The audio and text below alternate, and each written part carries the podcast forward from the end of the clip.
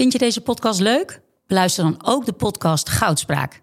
Ik ben Minkeboy. Als voormalig tophockeyster weet ik hoe Olympisch goud voelt. In de openhartige podcast Goudspraak praat ik met sporticonen die straks in Parijs voor het hoogste podium gaan. Over de weg naar goud. Beluister nu de podcast Goudspraak. Je hebt ook de hele tijd zin om met hem de kroeg in te duiken. Dat, dat gevoel heb ik echt.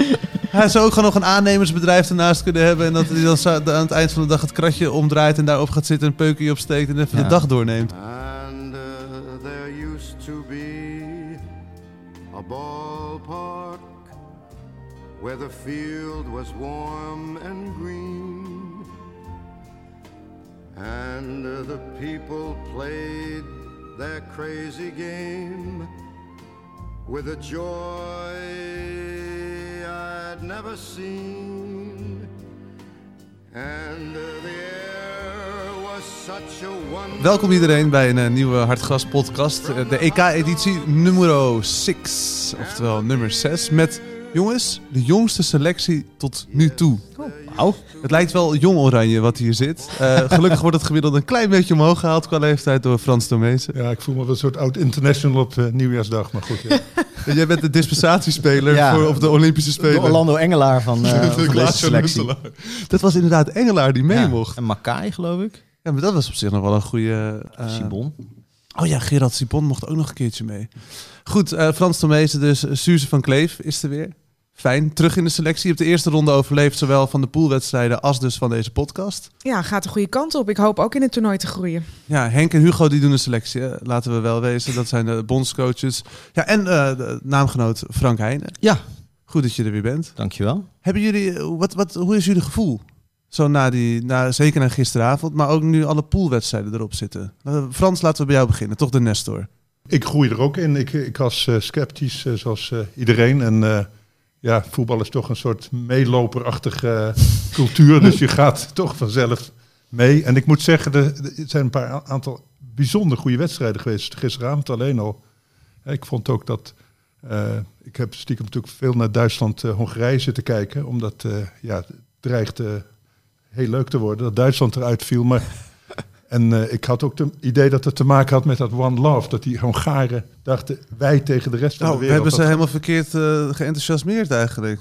Ja, maar ik vond het ook fout om in One Love om één volk daarbuiten te stellen. Dus je hebt, we zeggen, One Love voor iedereen, behalve voor Hongaren. Dus ik begreep die Hongaren wel.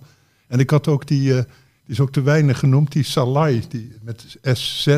Die grote spits van Hongarije. Ik kreeg daar een heel uh, Kieprits-achtige herinnering. Ik dacht, dat Feyenoord nog een spits zoekt. Daar loopt hij. Feyenoord zoekt nog een spits, denk ik. Nou, ja. Prato is weer terug naar Argentinië, lijkt me. Dus, ja.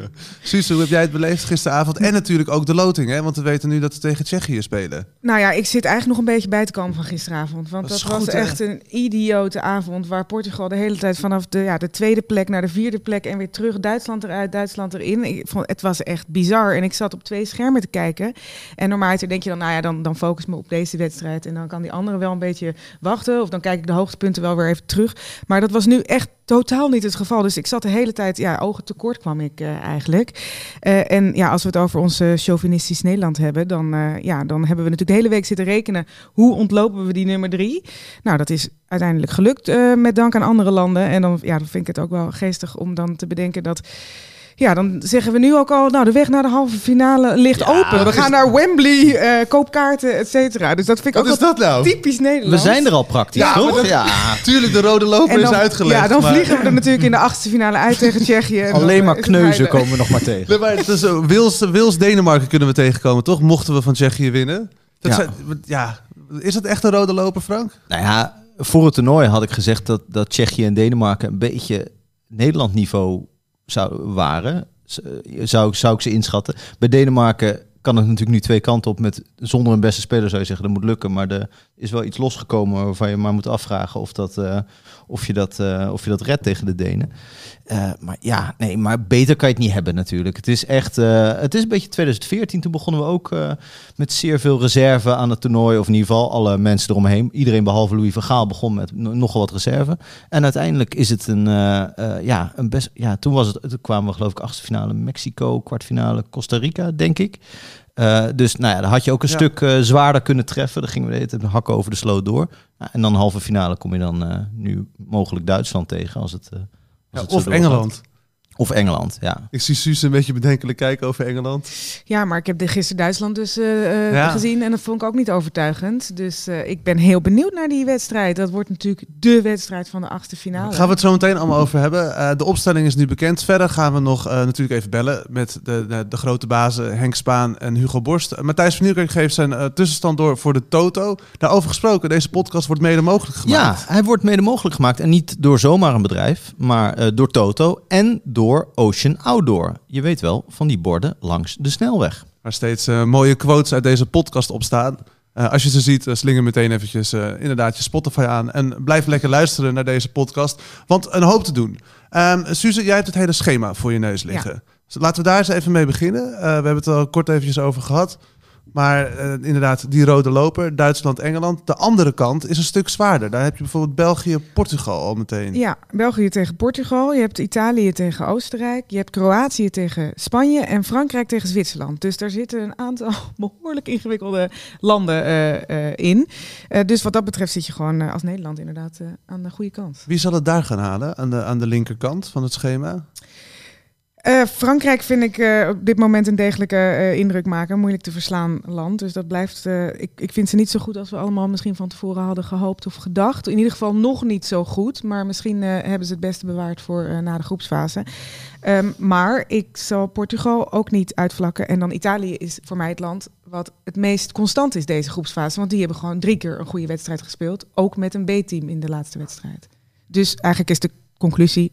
Ik heb geen idee. Het is een heel open toernooi met heel veel goede landen. Dus ik Ja. denk dat dat, heel erg, dat dat juist heel mooi is. Ja, Italië ligt helemaal op, die, eh, op de koers van Nederland 2008, toch? Eh, heel, heel opwindend beginnen en dan met een B-team ook nog wel oké spelen. En dan nu gewoon eh Luister eruit. een luizig eruit. Ja, Dat was met Marco van Basten toch aan het roer, Ja, 2008. ja. mooiste, mooiste Nederlands elftal van dit... eh, Want wie zaten daar in? Even ter, ter opfrissing van het geheugen. Eh, van de Vaart, Snijder, Van Persie, grote Van. Nistelrooy denk ik nog. eh, van Bronkhorst al wel. Eh, ongetwijfeld. Nou, hij, Van Basten en Van Nistelrooy. Ik denk, ja, dat was volgens mij toen nog wel... eh, Hebben die Fitty? ja, dat, hij dat- vond dat hij niet kon voetballen. ja. Ja. Dat is ingewikkeld, ja. Maar dat vindt Van Basten wel van veel. eh, dat is nog ja, de, de licht. Ja, als, als je als Van Basten, als je jezelf als standaard hebt, dan kan natuurlijk in principe niemand voetballen. Nee. Nee, dat is wel. dan ligt de lat wel heel erg hoog. Maar dat was een, een fantastisch begin van Nederland toen. Ja. eh, van Italië nu. Ja, Maar denk je dat ze zich vergalopperen? Nou, dat, dat is de, de toernooiwijsheid, toch? Dat, eh, dat je nooit te goed moet beginnen. Zijn ze wel echt eh, waanzinnig begonnen. Nou, dan wordt Engeland Europees kampioen, denk ik. Want daar even nog over gesproken, Engeland-Duitsland. We hadden het er eventjes voor de podcastopname al over. De Eerste Wereld- en de Tweede Wereldoorlog in één. En de Engelsen op de tribune. Frans, jij ging helemaal los. Ja, dat zijn natuurlijk wel heerlijke, heerlijke eh, wedstrijden. Dat, eh, ik denk wat, hè, wat wij met Duitsland hebben, hebben de Engelsen denk ik nog sterker. Veel, ja, nu in ieder geval nu nog. Het, Ja. het gaat daar zo zoveel over die Tweede Wereldoorlog nog. Ik bedoel, ik heb daar vijf Ja. jaar tijdens dat Brexit, eh, die Brexit-jaren gehad. En toen ging het heel vaak, als de EU iets vond, ging het eigenlijk heel vaak over Duitsland. En ja, dat, het, dat Engeland. Verenigd Koninkrijk, maar ze hebben het dan vaak over Engeland. eh, het in zijn eentje wel af kan en dat ze niet met eh, Europa eh, moeten. Ja, dat is bij, bij dit soort wedstrijden komt dat alleen maar boven. Dus ik verwacht dat de tabloids in ieder geval de komende dagen het heel veel gaan hebben over de Blitz, et cetera. Ik wou nog wel even wat zeggen over die, die makkelijke route. Ja, dat is graag. Voor, denk, voor, ik weet niet of je je nog van België herinnert. Die dacht ook die makkelijke route te Mhm. nemen via Wales. Via die, Wales, die ja. lagen eruit. En Belgen en Nederlanders hebben eigenlijk diezelfde zwakke karakterstructuur, zou ik willen zeggen. Ja. dat ze altijd aan het rekenen zijn, wat al heel zwak is. Je bent Ja. de beste of je bent niet de beste. Maar als je gaat rekenen, ben je al vanuit een ja, een beetje laffe, geniepige positie hè, er tussendoor eh, aan het zwijnen. En ja, dan ben je toch geen kampioen. En als er één land is wat kan zwijnen, is het in ieder geval Italië. Die Ja, kunnen dat wel. Maar Ja. Nederlanders gaan altijd meteen zichzelf overschatten. En ja, we hebben natuurlijk de, de super zelfoverschatter in de spits staan. waarvan de Belgen zo mooi zeiden. Hè, eh, misschien Memphis speelt weer met iets te veel zelfvertrouwen. Ja. Dat vond ik wel een mooie definitie. En Ja, dat, ja, terwijl, terwijl als je nu de Belgische, als je nu op Sporza die wedstrijden kijkt, en dan komt op een gegeven moment iedere keer het gesprek op, eh, op het Belgisch team dat ze eigenlijk niet kunnen verliezen. Dat is, dat is een Hoezo beetje niet? de. beetje, nou ja, ze zijn gewoon heel, heel erg zelfverzekerd. Een beetje het Nederland van 10, 15 jaar geleden. De, de, de, er hangt een sfeer van, ja, wij zijn eigenlijk, wij zijn, wij zijn heel erg goed. Ze, ze kunnen, ze dragen nog die, dat, dat zelfvertrouwen nog met een beetje, Ja, maar een beetje hebben- onwennig. Daarom. Maar, ja. Maar ik ben het wel met ze eens, want zij, de Bruine is eigenlijk wat Cruijff destijds voor ons was. Ja. De Bruine kan in, een- in zijn eentje een wedstrijd winnen. Ja. Wij hebben niemand die dat kan. En ik zie bij die andere landen Hebben wij niemand die dat kan, Frans? in zijn eentje niet. Mbappé kan dat niet. eh, eh, Pogba kan dat niet. Eh, de- ik, ik kan niet een speler van het niveau van de Bruyne bedenken... die echt in zijn eentje de, de wedstrijd... eh, Ronaldo? ja, de oude Ronaldo wel, maar nu toch... Ik zie hem niet meer van de middenlijn een aanval opzetten en afmaken. Nee, De Bruyne is natuurlijk als enige, misschien samen met eh Frenkie de Jong, een architect, maar hij scoort ze ook nog eens een keer Ja, zelf. precies. soms. Eh, ja, ik zou Mbappé daar toch wel eh, bij willen. Tot nu toe wil het nog niet echt Nee, lukken. het wil nog niet zo vlot. Nee, maar die eh, moet gelanceerd worden. Die ja. heeft iemand anders nodig. dat is de Bruyne met- heeft niemand nodig. Exact. Wijnaldum Depay is natuurlijk ook, en zeker met Malen erbij, voor ons Nederlands elftal, was ook een mooie, mooie eh, driehoek. Maar die hebben elkaar nodig. En dat is, dat is wel waar wat je zegt. En sowieso, België heeft eigenlijk op elke positie een topspeler staan. Ja. Van de keeper tot aan de spits en alles ertussenin. Dat je denkt van, nou, die zouden wel bij ons mee mogen Ja, doen. ik vind het waanzinnig. Laatst zo, het zijn momenten die je ziet, maar met Hazard en Lukaku. Ja, ja, ja. Je, je zou ze toch, als je ze had, alle drie meteen opstellen en die hele Memphis en alles eruit flikkeren. Dat- Ik vind je nu wel heel negatief over Memphis. ja, ik ben er niet zo fan van. Nee, dat hoor ik. Nee. Maar van zijn houding niet. Of van, want hij scoort wel weer natuurlijk twee. Hij geeft wel weer een assist. Assist. Ja. eh, op Luc- Malen was Luc- gewoon Luc de Jong bal. scoort ook wel eens. Ja, over ja. Luc de Jong gesproken, jongens. Hij is uit het toernooi. Ja, sneu. Ja. Nou ja, ik doe een beetje lacherig erover. Ja, dat vind, Maar- ik vind echt zielig. Ja, so- de- eh, absoluut. Maar ook omdat we hem best wel, zeker in een knock-out voetbal, kunnen we hem wel gebruiken, toch? Konden we hem wel gebruiken. Ja, dat denk ik wel. Heeft u ons tegen Noord-Ierland in ieder geval eh er doorheen geholpen. Ja, wel ook iemand die uit allerlei rare posities een doelpunt kan Ja. maken en hem er ja, een beetje in kan frommelen eigenlijk. Dus eh, ik denk wel dat dat eh, toch wel een gevoelige tik is voor het Nederlands elftal in die knock-out fase juist. Waar je zo iemand toch in de tachtigste minuut misschien nog kan inbrengen. En, je- en, je hebt af en, toe, en je hebt af en toe een slechte voetballer nodig. Die brengt de tegenstander in verwarring. Wat doet die man daar? Wout Want je, Weghorst. je verwacht altijd, ja precies, je verwacht altijd iets. Oh. Dat was mijn eh, kracht altijd. Die was keeper toch ook, net als ik? Ja, maar ik ging ook wel eens het veld in. En Oh, dan dat was helemaal. Totale verwarring. Met die keepershirt aan nog ook. een vliegende keeper. Maar nee, dat is wel eh, een, een aderlating. Dus dan is Wout Weghorst ons breekijzer. Ja, hoewel als ik, als ik Luc de Jong, als die dan wordt ingebracht in de laatste 10 minuten en Nederland gaat dan, gaat dan eh, eh, pompen in sommige wedstrijden, dan ziet dat er ook altijd een beetje onhandig uit. Ik vind Nederland. Die is daar niet goed in of Nee, zo, hè? Dat, dat, is nooit. Nee, dat ziet er altijd heel krampachtig uit. Dat was Dus net heel- als met Ajax. proberen dat ook eens. In de, Ja. in de Ja, Europese precies. wedstrijden, maar ook in de competitie. Ging Ajax ging even nog 10 minuten alles of niet spelen. Ja. Nou, dat is één keer goed gekomen door Huntelaar toen Ja. hij er nog speelde. Ja, Maar zo hoog hebben ze gewoon nog nooit een bal geschoten. Gewoon, dat moet al- in de jeugd. Dat moet allemaal over de grond. Over de knock-out fase gesproken. Nee, eh, dat wou ik ook nog zeggen. Over Memphis. Die slechte corners van Memphis Oh. vaak. Het is toch gewoon niet om aan te zien. Maar ik neem aan dat daar toch een soort strategie Ja. achter zit bij de eerste paal. Zo en dan de hoog. bal en de bal door je benen laten gaan. En dan Spanje had een hele Toch? mooie variant. Spanje was Ja, sowieso goed gisteren, hè? Ja, 5-0. ja. Maar die variant was goed. Ja. Ja. Dus eh, belangrijk toch, die standaard situaties. Nee, daar wilde ik naartoe. Eh, penalties. Hebben we daar wel eens over nagedacht? Hebben we natuurlijk ook een nationaal trauma aan. En als die knock-out fase komt, Frans... Je hebt veel penalty-series meegemaakt in je Ja. leven.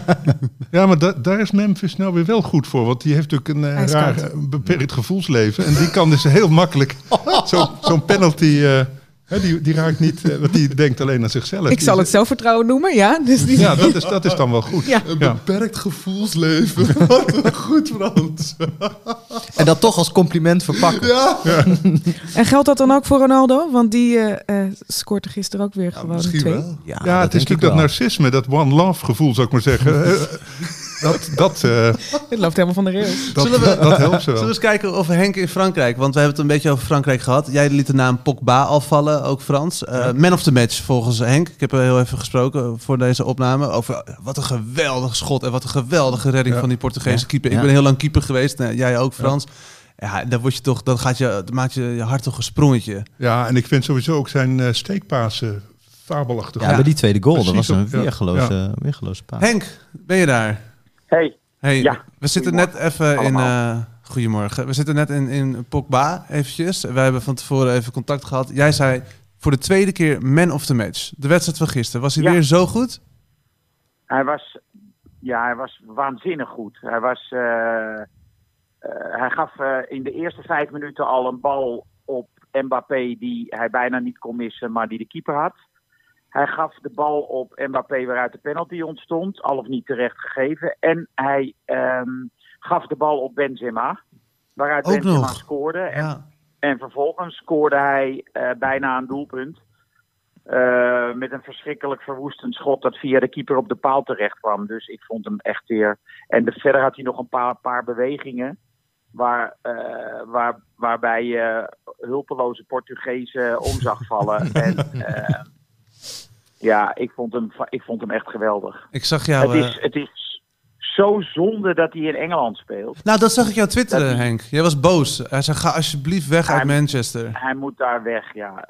Hij zit daar met een coach die niet zoveel van voetballen begrijpt. eh, die voor, eh, alleen maar volgens de hiërarchie in de kleedkamer aan het wisselen is.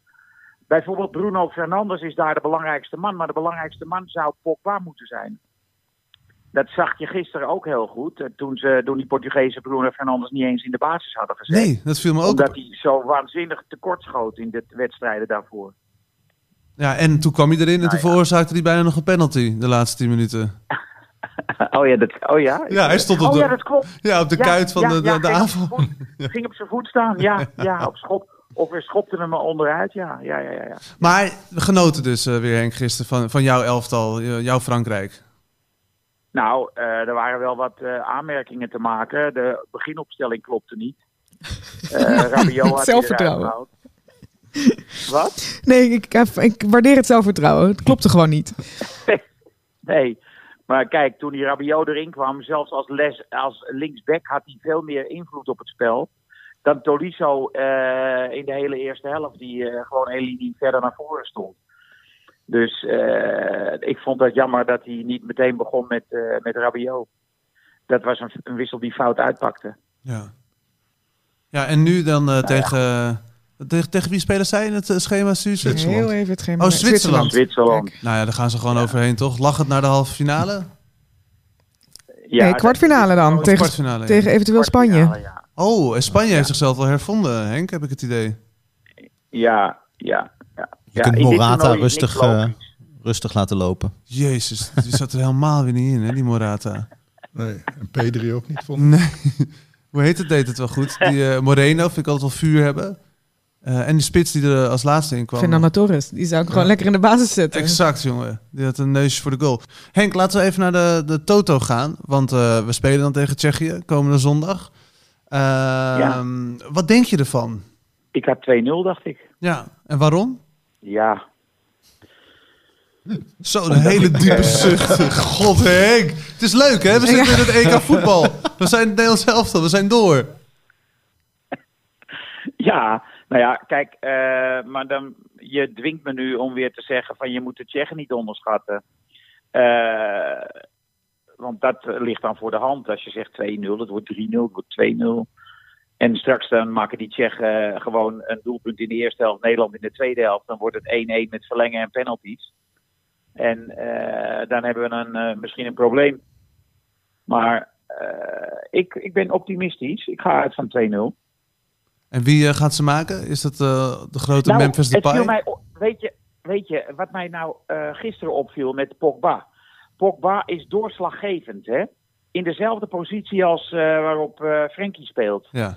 En eh Frenkie is weliswaar drie jaar jonger. Drie, misschien drieënhalf jaar jonger. Maar die, die drukt zijn stempel niet op die manier nog op het Nederlands elftal. Dus hij is nog net geen echte wereldklasse. Dat is hij dan pas als hij dit soort passes op de paai ook geeft. Die eigenlijk alleen maar in het doel kunnen verdwijnen. Snap je? Ja, ja, en dat is, zeker. Frenkie nog net, dat is Frenkie nog net niet. Hij doet het bij Barcelona Dus, eh, wel, Henk. Ja, hij heeft het een paar keer gedaan bij Barcelona, maar ook wisselvallig. En, en dat is dan weer afhankelijk daar van de positie waarop Koeman hem neerzet. Maar Pogba speelde gewoon als controleur gisteren. Hè? En eh, die kiest dan toch de momenten waarop hij eh, de splijtende paas moet geven. En ook waarop hij op de rand van de 16 kan komen. En dat zie ik, eh Frenkie. Frenkie zie je soms gewoon een beetje kuieren. Ja. Als andere mensen de bal hebben. En dan, eh, dan bekijkt hij met belangstelling het spel van de rest. Het is gewoon een liefhebber. Ja, zonder, zonder dat hij zich echt inschakelt. Ja, en het is ook wel... Kijk, eh, Pogba is natuurlijk echt een, een, een boom van een vent. En de jong is dan toch wel wat kleiner en wat, wat, wat ieliger. En die loopt er dan inderdaad wat meer achteraan. Dan Pogba had ik echt gisteren het gevoel... die neemt gewoon het hele team bijna op sleeptouw. Hij zegt, kom op jongens, moedig voorwaarts. We, we schieten er vijf in. Nou ja, goed, maar dat, dat is misschien het leeftijdsverschil. Ik herinner me eerlijk gezegd niet zo goed hoe Pogba in 2016 was. In 2018 was hij beslissend in de finale. Eh, dat, dat herinner ik me in, in- in niet zo verschrikkelijk goed vijf jaar geleden. Volgens mij had Deschamps toen moeite eh, met het opleggen van zijn eh, tactische wil aan Pogba. Ja. Was hij toen erg speels nog. Maar eh, er is, eh, Frenkie heeft natuurlijk eh, in wezen net zoveel talent. Moeten, moeten we iets anders En, doen? eh, Jij bent de voetbalkenner van eh, onze selectie, Henk. Moeten we iets anders doen qua opstelling of qua tactiek tegen de Tsjechen zondag? Nou, Gravenberg die heeft zijn kans verspeeld. Gehad en verspeeld. Ja, nee, dat ben ik wel met je eens. Dus gewoon de Roon weer, waar je ook fan van bent. En dan voorin. Malen de paai. Guus, was je het niet met me eens? Nee, absoluut wel. Ja, ik vond het ook eh, teleurstellend. Nee, zeker. Ja, Maar en voorin Malen de Ja. paai houden we dan. ja, ja. en de Roon terug. Ja, en dan hebben we gewoon Naast, eh, de eh, basis zelf. Ja. En van Aanholt komen we ook niet vanaf, geloof ik, hè? Ja, ik weet niet, is die geblesseerd? Je zou het willen, maar Frans is geen Henk. nee, ik vind dat echt de, de- detoneren. Maar hebben we daar een alternatief voor? Ja, Wijndal, maar dan word je, dat is hetzelfde laken en pak, toch? Ja, of je moet 4-3-3 spelen met eh Den- Daley Blind eh op De- linksachter. De systeemdiscussie. Nee, maar goed. Ja, Maar die van Aanholt is de extra man achterin. Maar wat heb je eraan? Dus het, eh, je speelt met vijf man Ja. achterin, maar die vijfde is van Aanholt. Dan kun je volgens mij beter met z'n Dan vieren speel je spelen. eigenlijk al met z'n vieren. Ja. We spelen eigenlijk 4-3-2. nieuw, nieuw systeem hebben we. ja. Nou ja, je- voor de linksbackpositie is eigenlijk Blind natuurlijk verreweg de beste. Maar die is wel langzaam, hè? Dat vergeten we. Nee, ja, maar dat... dat Ja, maar je hoeft niet meer te verdedigen. Want als hij, als hij op de helft van de tegenstander staat, Ja, blijft de bal ook daar. ja want dan blijft de tegenstander Ja. ook. Ja. Ja. Nou, je zag gisteren ook, Rabiot is ook niet zo verschrikkelijk snel. Die speelde ook linksback en bemoeide zich eigenlijk heel erg met de opbouw. Dus dat is precies zoals Blind altijd op die plek eh, heeft gevoetbald. Ja. En hij had inderdaad wel één keer een probleem met een eh, Portugees. Die die eh, niet aankon. Op zeker moment een kwartier voor tijd of zo. Tien minuten voor tijd. Maar goed, dat is dan één keer. En dan moeten de anderen, dan moeten daar rugdekking komen. Moeten die anderen dat oplossen. Ja, en dat moet bij Blind ook dan. Het is wel echt, mijn, mijn hart maakt altijd een sprongetje als Blind aan de bal is. Want je weet gewoon, er komt een goede Ja. paas. Er gaat iets gebeuren. Dus in plaats van een tikkie breed. Hij gaat bijna altijd naar voren. Hij speelt ook bijna altijd naar voren. Dus ik ben een zeer groot fan. Ja. Dus 4-3-3 zeg jij, eh, Ja, Frans. ja. Maar dan kun je aan die andere kant ook Timber opstellen en Berghuis. Dan ben je van dat eh, Dus ben je Dumfries kwijt. ben je ook kwijt. Ja, die gaat echt nooit meer uit het elftal, toch? Nou, hij was best wel Maar, slecht de laatste eh, keer. Dus, ik-. Ja, als je kijkt naar de statistieken, hoe onze backs, beide backs in balbezit zijn, dat is toch wel schrik hoor. Ik bedoel, ik weet dat we allemaal eh, achter Dumfries aanlopen omdat hij eh, eh, gescoord heeft, et cetera. Maar zowel Van Aanholt als Dumfries in balbezit, wat dan toch zou moeten met zo'n systeem, Ja. eh, zijn echt heel slordig in balbezit. Terwijl als je bij de toplanden kijkt naar die backs, die maken, de, als je kijkt naar het percentage gelukte passes, ligt veel hoger dan bij Van Aanholt en Dumfries. ja. Maar ja, we hebben nu Wout Ja, Weghorst en al- weten te elimineren. En dan nu Dumfries daarna. Ja, Dan doorpakken. Oh, ja. Ja, de domme spelers eruit. Ik. En als ze slecht zijn, die backs, dan worden ze ook meteen gewisseld. Pavard was slecht in de tweede wedstrijd. En die Ja. was meteen zijn plek kwijt. Heerlijk hè, dit Dus, jongens. eh, Zo ouwe hoeden over, over opstelling. Over dit is toch het allermooiste aan zo'n EK-toernooi, Henk? Dat, je hebt er veel meegemaakt. ook. Dat is toch heerlijk? Dat we hier gewoon over kunnen bakkeleien. Ik, ik vermaak me enorm met dit toernooi. Ik ga het zo missen als het er niet is. Want zeker nu, nu hebben we twee... Dit is de eerste rustdag. Wat doen jullie vanavond? Is er, is er Ja. niet iets... eh, de voorbereiding van Feyenoord is weer begonnen, toch? Met Guus Stil en Arne Slot Ja. inderdaad. Ja. God, Henk, dankjewel. We gaan verder. Ehm, eh, we vullen 2-0 in en we spreken elkaar zondag weer, denk ik. eh, want dan eh, Vergeet- is er een nieuwe vergeet podcast. niet om te zeggen, want we hebben opdracht gekregen natuurlijk. Oh ja. Om eh, te zeggen dat kinderen boven de 18 alleen maar mogen gokken en niet daaronder. Zoiets was het toch? 18 plus, speel bewust. Zo, hè, ja. Ja, het Ja, rijmt ja. net niet. Ik vind het zo'n stomme slogan. Sorry. En ik neem, ja, inderdaad. En ik neem aan dat je al hebt gezegd dat mensen ook een abonnement op Hartgas kunnen nemen door naar de lokale of naar de lokale boekhandel te gaan om nummer 138 te kopen met Kevin de Bruyne op de cover. Nou, we hebben het wel over Kevin de Bruyne al gehad, maar dit is een goede toevoeging Ja. inderdaad. Eh, ook online te bestellen. Dus dat, voor iedereen onder de 18 is dat ook een dikke tip. eh, want heb je geld over. Kan je dan mooi in hard gras investeren. Hoef je niet te gaan gokken. Dankjewel Henk. Oké, veel plezier. Doeg. Dag. Ja, we gaan eh, zo meteen nog even schakelen met Hugo. Dan kan hij ook nog zijn toto invullen. Henk Spaan dus 2-0. Matthijs van Nieuwkerk 1-0. Eh, ik zelf heb 3-1 ingevuld. Omdat we toch best wel lekker aan het scoren zijn de laatste tijd. En we krijgen sowieso een doelpunt tegen. Van, eh, via de linkerkant, denk ik, Frans. Ja, Want wie staat er ook alweer? Bij ja, ons die, links. eh, ja ik ben zijn naam even kwijt. Of van de eigen helft. Maar heb jij veel... eh, Jij ging opeens met statistieken strooien, Suus. En dat vind ik echt heerlijk. Heb jij, heb je nog meer eh, paraat? Of... Nou, nee, ik, ik vond dit gewoon interessant omdat, om, dan eens naar die backs te kijken. En eh, eh, vooral ook omdat Dumfries dan zo eh, bepalend is geweest. Maar, maar hoe doen ze het eigenlijk in balbezit en balbezit tegenstander? En dan zie je dus ook dat ze eh, vrij weinig eh, ballen veroveren. Eh, veel minder dan de backs bij grote landen. Dus Wat doen ze dan wel? nou ja, de- ze, ze maken heel veel kilometers. Dat, eh, daar, daarvan eh, horen ze bij de top, toplanden, topbacks. Oké, punt. Ja, en Ja. Dumfries scoort dan. Dus Ja. dat is wel, dat ja, is dus wel wat heel dat betreft ben je belangrijk. natuurlijk gewoon eh, als Dumfries ben je gewoon beslissend geweest. Ehm, maar dus balbezit en balbezit tegenstander eh, kan er nog wel wat beter. Maar zonder dol, het is de eerste rustdag vandaag. Is het voor jullie afkicken of, of overdrijf ik nu? Nee. Nee, ja, ja, je overdrijft een beetje. Voor mij in ieder geval. Het gaat, eh kom het wel door. Ja? Ja. Ik zat Nou, wel gewoon ik voor de ben wel uit, je bent wel uit je ritme. Nee, echt. Dus Ik ook, ja, Ja. zeker. Nee, ja, ik bedoel, eh, zo die negen uur wedstrijden, eh, die waren toch wel standaard. En zes uur eigenlijk ook. En Ja. dan drie, uur half oog. Nou, Dus, ik eh, vond drie uur, dus stiekem, ik, mijn, mijn radioprogramma begint om vier uur. Maar dan kon ik dus eventjes de eerste helft kijken. Terwijl ik ook de dingen aan het klaar aan het zetten was qua, qua playlist voor op 3FM en zo. Maar dan zat ik met een schuin oog wel gewoon lekker de wedstrijd te kijken. Ook. Ik vond het heel, heel lekker. Het voelt een beetje als, alsof je schoolvakantie Spijbelen. had. Oh ja, ja. Toch? Dat je gewoon lekker... Ja, eigenlijk zouden die toernooien allemaal, dat is natuurlijk bij een EK lastig, maar bij voorkeur aan de andere kant van de wereld gespeeld moeten worden, zodat je zo om 11 uur al je, 11 zo- uur ochtends. zo'n wedstrijdje hebt. En dan eh, Botswana tegen, tegen Zwitserland. en dat je denkt van, nou, ik ga hem in principe niet kijken, maar ja, eh, je, je zet hem even aan. En dan blijkt de eerste 10 minuten blijkt Zwitserland best aardig te spelen. En eh, valt Botswana ook niet tegen. En dan, en dan zit je er toch in en dan ga je in die flow door. En dan heb je s'avonds gewoon nog een vrije avond. Hebben jullie dit, dit soort EK-herinneringen? Want we mogen natuurlijk zondag ook weer op groot scherm kijken. De, de, de maatregelen worden versoepeld vanaf zaterdag.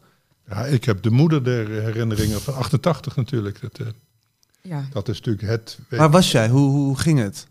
Nou ja, net zoals iedereen, EK stelde eigenlijk toen niks voor, want er deden relatief weinig landen aan mee. In de jaren 70 geloof ik maar acht en eh, in de jaren 80 waren dat ietsje meer. Maar je vond het eigenlijk, het was eigenlijk net iets meer dan oefenwedstrijden of zo. Het leefde eigenlijk nooit. Ja, Cruijff en Van Hanegem hebben er nog eens een keertje een bijna doelbewust verprutst volgens mij in 76. Ja. Eh, die deden nou ook zijn best toen. Nee, niemand interesseerde dat. En, en daarom was het zo'n verrassing. En, daarom hebben, en sinds we dat gewonnen hebben, vinden we het volgens mij hier het EK belangrijk. En, eh, en dat vond ik wel heel wonderbaarlijk. En, en wat ik vooral herinner is wat er loskwam. Hè? We hadden het net over de, de Tweede Wereldoorlog enzovoort. Ik weet zelfs mijn moeder, die helemaal niet van voetbal hield, die zei: ja, het is net of de bevrijding eh, nu plaatsvindt. Want je had die hele Haag van Eindhoven tot aan eh, Amsterdam. Stonden mensen langs de snelweg en ik stond ergens bij eh Apkoude. En ja, dat was, dat was fantastisch. Er werd geapplaudiseerd. Die bus reed stapvoets. Die deed er geloof ik ook vier of vijf uur over om van Eindhoven naar Amsterdam te komen. Ja, dat was weergeloos. En vond je het alleen maar vreugdevol of vond je het ook een beetje kolderiek, die, die vreugde? Of ging je er helemaal in op toen? Ja, wij, ik ben nog van het trauma van 74, want je gaat altijd verder terug. Hè. En 74, dat, dat was voor mij het allerergste. De, toen, toen zat ik in, in Duits, Duitsland op een liftvakantie. Ik was, Oh, echt? en ik was de bedoeling dat we in Zwitserland zouden aankomen. En niemand nam ons mee, dus we zaten in Duitsland. Had je een oranje hoedje op? Nee, dat niet, maar het, het- je werd wel gewoon... Daarna werd je veel meegenomen, zou ik maar zeggen. En dan werd je dus eh, Uitgelachen. uitgelegd eh, ja, wat, eh, waarom Hultsenbein enzovoort. eh, Maar zo is dan 2010 ons trauma van, van onze generatie? denk- Wat, wat 74 voor jullie? Wat, de, de, teen van Casillas? Voor jullie is de teen van Casillas. En voor ons was het natuurlijk de, de, de 2-1 van, eh van Gert Muller aan het eind van de eerste helft. Toch anders, omdat het een beetje schaamtevol spel was van Nederland, eh, dat WK. Ik vond het 98 vind ik Ja, misschien nog vind ik wel... meer, vind ik meer. Als ik me dat herinner, op Van qua- Hooijdonk. Ja, qua voetbal eh, eh, had je dan misschien wel meer eh, recht gehad Ja, op een, op een zeker. titel. Kijk, ik heb eigenlijk meer herinneringen aan, aan WK's dan aan, aan EK's, moet ik, eh, me eerlijk, eh, moet ik eerlijk Ah, toegeven. EK 2000 tegen Italië. Al die Oh, penalties. Al die penalties, ja. Ja, ja, Dit heb ik even verdrongen, denk ik. toch weer dat penalty-trauma. Want wie zijn de penaltynemers? Nou, we, waren- we hadden Memphis Depay. Wijnaldum, me dunkt, als aanvoerder. Dan moet je toch? Ja, ik zou om Frans te provoceren ook van Aanholt. eh. Heel wild in de Ja, linkerbovenhoek. Heel, de hele lange aanloop, want hij maakt vooral veel kilometers. Begint hij vanaf de middenlijn. Maar, en dan, wie verder nog? De Jong? denk En je ik. zou toch, eh, ja, met zijn trap moet je blind denk ik wel eh, op de lijst zetten. Oh, wat heerlijk om hierover na te denken. Dat maar het gaat volgens mij gekomen. altijd over mentale Ja. eh, weerbaarheid en zelden over de trap. Want je ziet opeens altijd hele wonderlijke types bij die, eh, bij die penalty race. Maar Ja, laten als we het dan over Italië hebben en eh, Jaap Stam, dan denk ik dat precies, je misschien ja. wel iets meer naar Ja. de trap had moeten Dan kijken. laten we naar de eerste vijf kijken. Memphis neemt de eerste, Wijnaldum de tweede, eh, Blind de derde, vind ik een hele goeie. De Vrij, Eh, ja. Ja, ik zou de, de Vrij er misschien ook wel één laten. Die heeft, eh, die heeft allemaal personal coaches en zo. Dus Twaalf die heeft coaches waarschijnlijk wel een penalty trainer ook. eh. Nou ja, mentaal zit denk ik de licht ook wel eh, Ja, maar dat goed in elkaar. vind ik wel een beetje druistig, net als Dumfries. Die zou ik er zeker niet heen laten nemen. Een Berghuis zou je dan natuurlijk eh, Ja. mede met dat oog op moeten stellen. En De Roon is ook nog wel een coole kikker natuurlijk. Ja, maar dat is wel een man in, met een polletje gras en zo. Die Ja, eh, ja. waarschijnlijk... Waar die pech heeft. Ja. vind ik meer iemand die een penalty van iemand anders afpakt. En Stekelenburg is dat het een beetje... Nee, maar ik vind het best moeilijk om er vijf Ja. op te Ja, toch? noemen waar, waarvan ik denk, oh ja, dat... eh, dat... ik had Luc de Jong er sowieso een laten nemen. Maar ja, die heeft er natuurlijk wel een aantal gemist bij PSV toen. Maar eh, Nou ja, en, hij en weet hoe het niet moet. Stekelenburg hebben we natuurlijk op doel staan, die ik nog steeds echt heerlijk vind. Ik ben zo blij dat hij daar staat. Zoveel eh, rust en, en, en je hebt ook de hele tijd zin om met hem de kroeg in te duiken. Dat, Ja. dat gevoel heb ik echt. Hij zou ook gewoon nog een aannemersbedrijf ernaast kunnen hebben. En dat hij dan aan het eind van de dag het kratje omdraait en daarop gaat zitten, een peukje opsteekt en even Ja. de dag doorneemt, toch? Ja, volgens mij zit je niet zo ver van de werkelijkheid. Ook, eh. Maar en, en dan krul erin als er penalties zouden komen, net als in 2014. ja, ja, dat was natuurlijk toen heel verwarrend. Dus dan zou ik nu voor Bizot misschien eh, gaan. Toch? Want nu, nu denkt iedereen, er zal krul wel komen. Zo heel even kijken hoe het met eh, Hugo Borst is. Want eh, nee, die is tot nu toe bij elke EK-podcast volgens mij fysiek aanwezig geweest. Dit is de eerste keer dat hij eh, het even na moet laten. Maar hij heeft natuurlijk altijd een, een sterke mening. En hij moet natuurlijk zijn toto invullen. Speel bewust, hè? Alleen als je 18 plus bent. Goedemorgen. Goedemorgen, welkom aan tafel met Frank, Suze, Frans en Frank. Ah, hoog Ajax gehalte, ik hoor het al. Dit weer. Oh, de toon is gezet. Nou, wij dachten eerder de jongste selectie ooit van de Hartgras podcast tot nu toe. Maar Frans zit er toch bij? Ja, die krikt Nou ja, Jij krikt die boel flink op. Ja. Frans. Sorry. Hugo, hoe is het? En hoe zit je in het, eh, in het toernooi, zo op de eerste rustdag? Nou, ik heb me gisteravond wel heel erg eh, eh, vermaakt met eh, die wedstrijden die er toe deden om te kijken wie wij niet gingen treffen. Nee, dat was ook opeens een, eh, een kwinkslag, hè? Ja, ja. Nee, ik, ik, ik was als de dood dat die Hongaren eh, zich alsnog zouden plaatsen. Want als je, als je toch kijkt hoe die drijven op nationalisme, op vaderlandsliefde, ik vind dat eh doodeng, man. Ook na afloop dat, dat volkslied eh, zingen. Ja, dat wordt toch allemaal mede mogelijk gemaakt door eh Orbán. Ja, ja en, en tranen over de wangen ook, hè? Bij, tijdens het zingen met het publiek. Het was, het was Doodeng. ja, bijna een soort eh, kampgevoel kreeg ik ervan. Maar waarom vinden we dat wel mooi als de Schotten bij de eh, Italianen. vol passie Italianen, ja. staan te zingen? Nou, bij de, Scho- de Schotten hebben niet alleen een, een hele vrolijke dronk. Maar, die, die, maar die, die, die knokken niet zo snel. Bij Engelsen vind ik het alweer een stukje enger, nationalisme.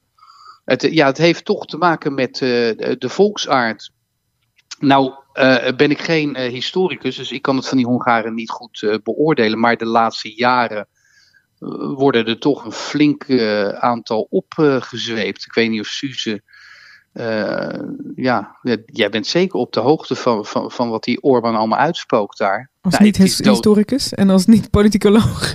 Nee, maar jij houdt de boel flink in de gaten in Europa. Vind ik Ja, maar altijd, eh, vind- weet je, Ja? we, we hebben het nu eh, over Hongarije alsof Hongarije Orbán is en, en andersom. En dat vind ik altijd een beetje ingewikkeld. en, en Hongarije is niet die fans in het stadion. Ik denk dat er heel veel andere mensen op een andere manier dat voetbal beleven. En op een andere Je mag nooit generaliseren, dat ben ik met je eens. Maar ik heb toch de indruk. Ja, ze knielen ook niet, de Hongaren. En eh, heb jij er wel eens eentje een statement horen uiten over eh, die afschuwelijke wet die is aangenomen in Hongarije onlangs? Volgens mij niet. Ik hou, ik hou het niet eh, voor 100% in de gaten. Maar ik Nee. denk niet dat ze dat durven hoor. Ik denk niet dat die Hongaarse spelers tegen hun. eh, eh, Rutten durven zeggen van joh, hey, flikker op man Maar met je precies krankzinnig kan je het toch eigenlijk dan misschien niet kwalijk nemen? Maar het Nou, statement zou wel heel vind sterk ik wel. zijn. Ik zou het nationalisme, als ik het diep van binnen zou voelen, eh dit deugt niet, die wetten, eh, nou ja, die homofobie in de hand werken, die mensen in hun vrijheid beperken. Als ik daar als voetballer tegen zou zijn, maar ik zou me niet durven uiten, dan ging ik toch dat volkslied niet staan meebrullen. En zeker niet huilend. Hé, maar Hugo, even iets anders. Jij had over dat Ajax gehaald en zo.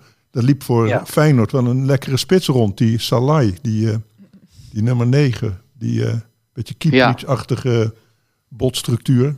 Daar ben ik het niet mee eens. Dat is een typische eh luie Oostblokvoetballer uit 1983 zo'n beetje. Daar heb ik er heel veel van rond zien lopen. Hele mooie voetballers, een beetje Kieprits-achtig Ja, trekjes. ja, ja. Maar daarom maar zeg eh, zo lui als dikke stront. En eh, dat kun je bij Feyenoord niet gebruiken. Daar moet hard gewerkt worden. Daar moeten veel meters worden gemaakt om de klasse van Ajax eh, te compenseren. Maar En Kieprits is trouwens, toch gefeliciteerd. volgens... Zijn jullie blij? Nou, Zijn jullie blij allemaal met, Berghuis? Nou, ik ben best wel blij mee hoor. Ik weet alleen Ja? niet zo goed waar hij moet spelen. Want het is, je haalt natuurlijk wel een mannetje binnen. Met, met, althans, hij is, dan- het is nog niet officieel hè, dat Berghuis naar Ajax komt. Nee. Maar je haalt wel een mannetje binnen. Rechtsbuiten staat in principe Anthony. Nou, die is natuurlijk eh, tegen de orders in naar eh, de Olympische Spelen Oh, is hij wel gegaan uiteindelijk? Ja, Ja, bij de selectie, Oh. ja. Dus daar, eh, daar zijn ze niet blij mee in Amsterdam. Volgens mij staat hij op de transferlijst. Echt? Denk het wel. Maar Neres ook al. Dus dan is het heel goed dat je een, een rechtsbuiten haalt. Tadic links, Aller in de spits. Dus dan heb je Ja, ze helemaal halen nog die, die, die Noorse jongen, toch? Sulemana. Ja, Sulemana. Deens, Ja. Oh, is hij Deens? Oké. Nou ja, dat is volgens mij ook iemand die op de vleugels uit de voeten kan. Ja. Maar ik vind het wel een verrassende move. Maar ik kan me niet voorstellen. Ik spreek eh, Henk Spaan nog wel eens, die eh, ook heel veel verstand van Ajax heeft. Die is nooit blij met Berghuis. Nee. nee, je haalt een karakter binnen, een figuur. En ik denk dat hij daar niet goed genoeg voor is.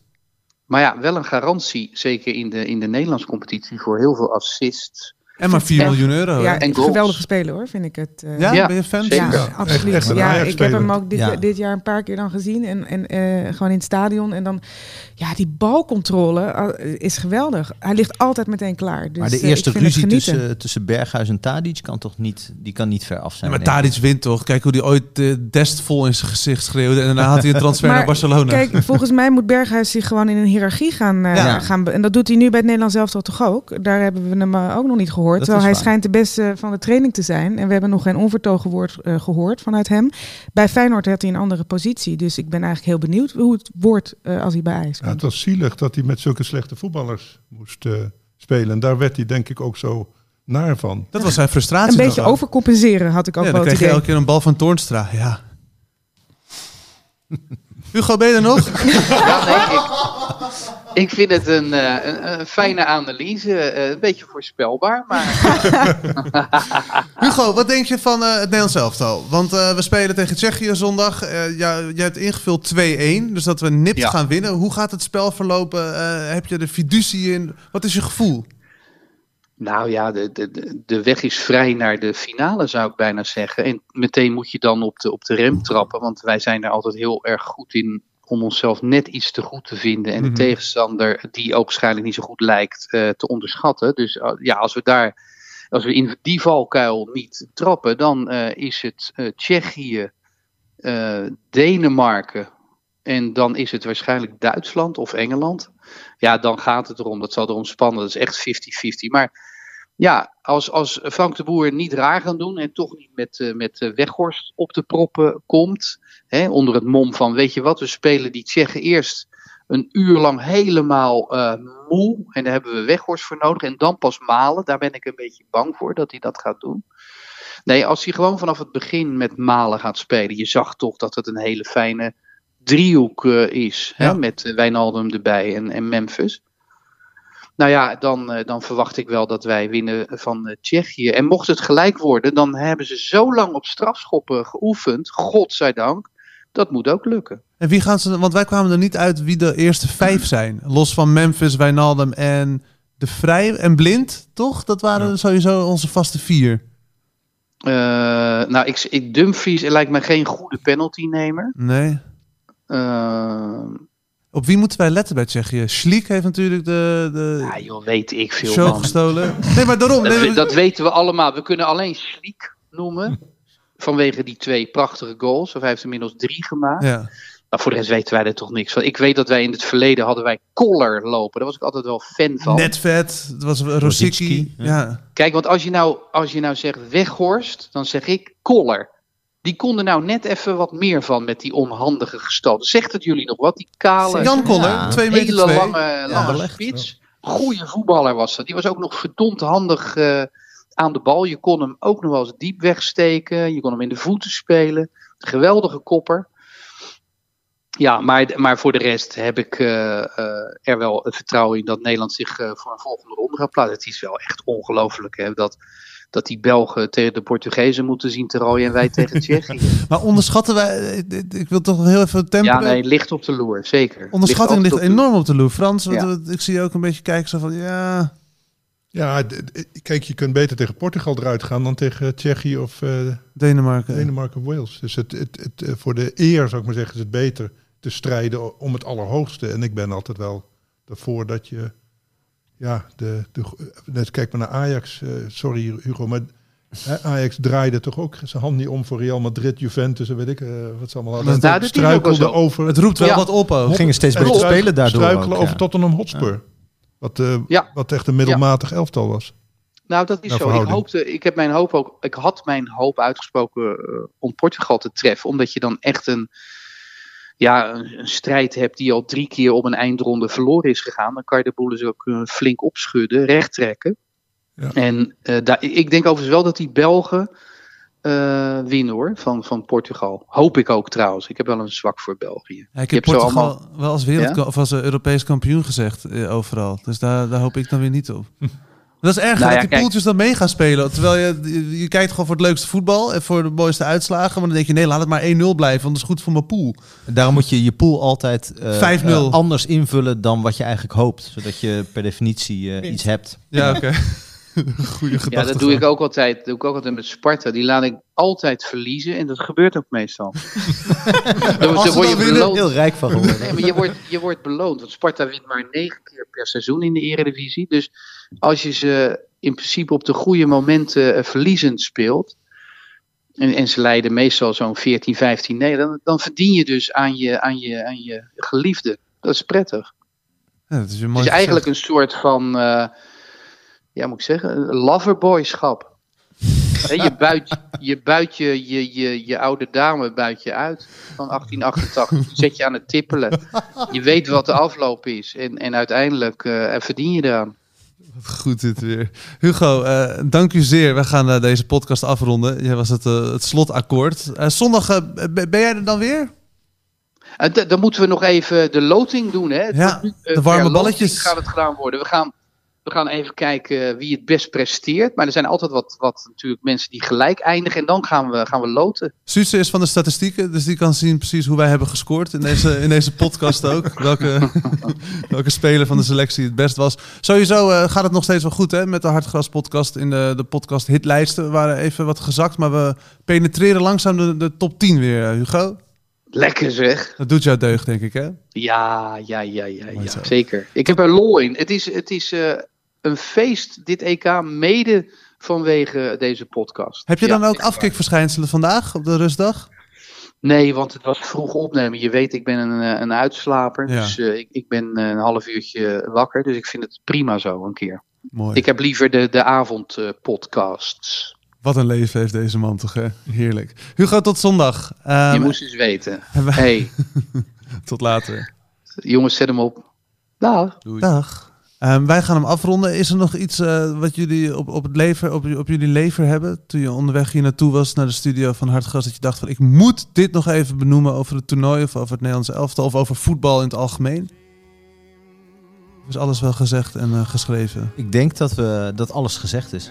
Maar ook echt alles. Dus Dan gaan we er een einde aan maken. Eh, niet voordat we hebben gezegd dat deze podcast mede mogelijk is gemaakt door deze en gene. Ja, en niet door zomaar deze en gene, want dat, eh, dat, ja, daar zijn mensen wel eens onduidelijk over. Maar laten we heel duidelijk zeggen dat die mede mogelijk is gemaakt door Toto. En niet alleen door Toto, maar ook door Ocean Outdoor. van die borden langs de snelweg. En je kunt ons luisteren op Spotify. Tot de volgende en dank jullie wel allemaal. Yes, there used to be a ballpark.